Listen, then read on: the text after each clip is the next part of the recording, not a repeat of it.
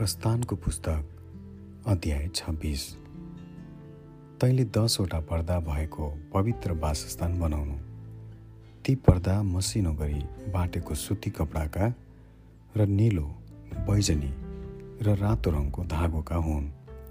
तिनमा सिपालु शिल्पकारको काम भएका करुहरू समेत तैँले बनाउनु।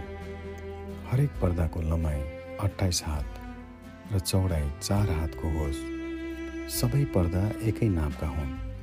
पाँचवटा पर्दा एक अर्कोसित गाँस्नु र अर्का पाँचवटा पनि एक अर्कासित गाँस्नु। पहिलो गाँसिएको भागको पल्लो पर्दाको छेउमा निलो सुर्कनी बनाउनु।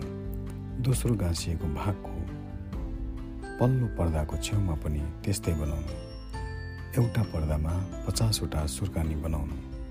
अनि दोस्रो गाँसिएको भागको पल्लो पर्दामा पाँचवटा सुर्कानी बनाउनु। ती सुर्कानीहरू आम्ने सामने हुन्। तब सुनका पचासवटा अङ्कुसे बनाएर पर्दाहरू एक अर्कासित ती अङ्कुसेहरूले जोड्नु।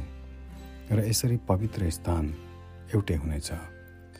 पवित्र वासस्थानमाथिका पालको निम्ति बाख्राको भुत्लाका पर्दाहरू बनाउनु। तैँले एघारवटा पर्दा बनाउनु। प्रत्येक पर्दाको लम्बाइ तिस हात र चौडाइ चार हातको होस्। एघारै पर्दाको नाप एउटै हुनुपर्छ। पाँचवटा पर्दा एक साथ र छवटा पर्दा एक साथ जोड्नु।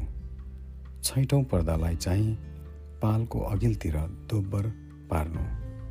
पहिलो गाँसिएको भागको पल पल्लो पर्दाको छेउमा पचासवटा सुर्कनी बनाउनु र अर्को गाँसिएको भागको पल्लो पर्दाको छेउमा पनि पचासवटा सुर्कनी बनाउनु।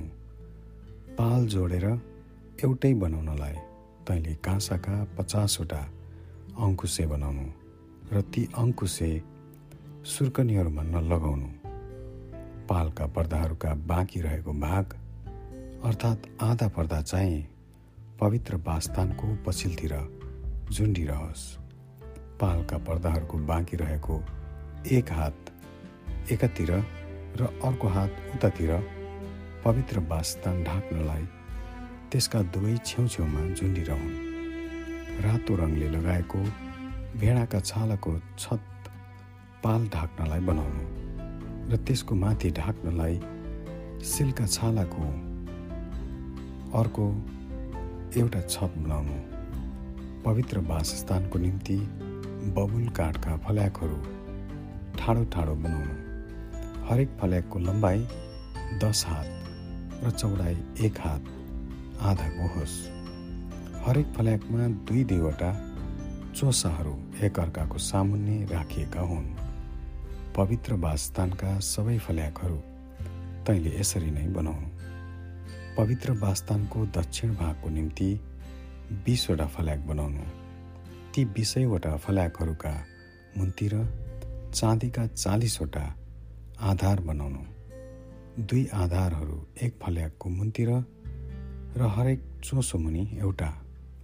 पवित्र वासस्थानको अर्कोपट्टि अर्थात् उत्तरपट्टिको निम्ति बिसवटा फल्याक र तिनका चालिस चाँदीका आधारहरू बनाउनु। एउटा फल्याकको मुन्तिर दुईवटा आधार पवित्र वासस्थानको टाढाको भाग अर्थात् पश्चिमी भागको निम्ति छवटा फल्याक बनाउनु। टाढाको भागका कुनाहरूका निम्ति तैँले दुईवटा फल्याक बनाउनु। ती तलदेखि माथिसम्म दोब्बर खप्टाएका हुन् र यसरी ती एउटै मुन्द्रामा जोडिउन्। ती दुवै फल्याक यस्तै हुन्। त्यहाँ आठवटा फल्याक हुन् र तिनका निम्ति चाँदीका सोह्रवटा आधार हुन्। एउटा फल्याकको मुन्तिर दुईवटा आधार हुन्। तैँले बबुल काठका बारहरू बनाउनु। पवित्र वासस्थानका एकातिरका फल्याकहरूका निम्ति पाँचवटा बार र अर्कोतिरका फल्याकहरूका निम्ति पाँचवटा बार र पश्चिमतिर टाढाको भागका फल्याकहरूका निम्ति पाँचवटा बार फल्याकहरूका बिचमा भएको बार चाहिँ एक छेउदेखि अर्को छेउसम्म पुगोस्। फल्याकहरू सुनले मोर्नु बारहरू पक्रनका निम्ति सुनका मुन्द्राहरू बनाउनु। बारहरू पनि सुनले मोहर्नु तँलाई पर्वतमा देखाएको नमुना अनुसार पवित्र वासस्थान खडा गर्नु। अनि निलो बैजनी रातो धागो र मसिनो गरी बाटेको सुती कपडाको एउटा छेक्ने पर्दा बनाउनु। र त्यसमा सिपालु शिल्पकारले बनाएका करुबहरू भएका होस्। सुनले मोहरिएका बबुल काठका चारवटा खम्बामा सुनका अङ्कुशहरूले त्यो टाङ्नु ती खम्बाहरू चारवटा चाँदीका आधारमाथि हुन्।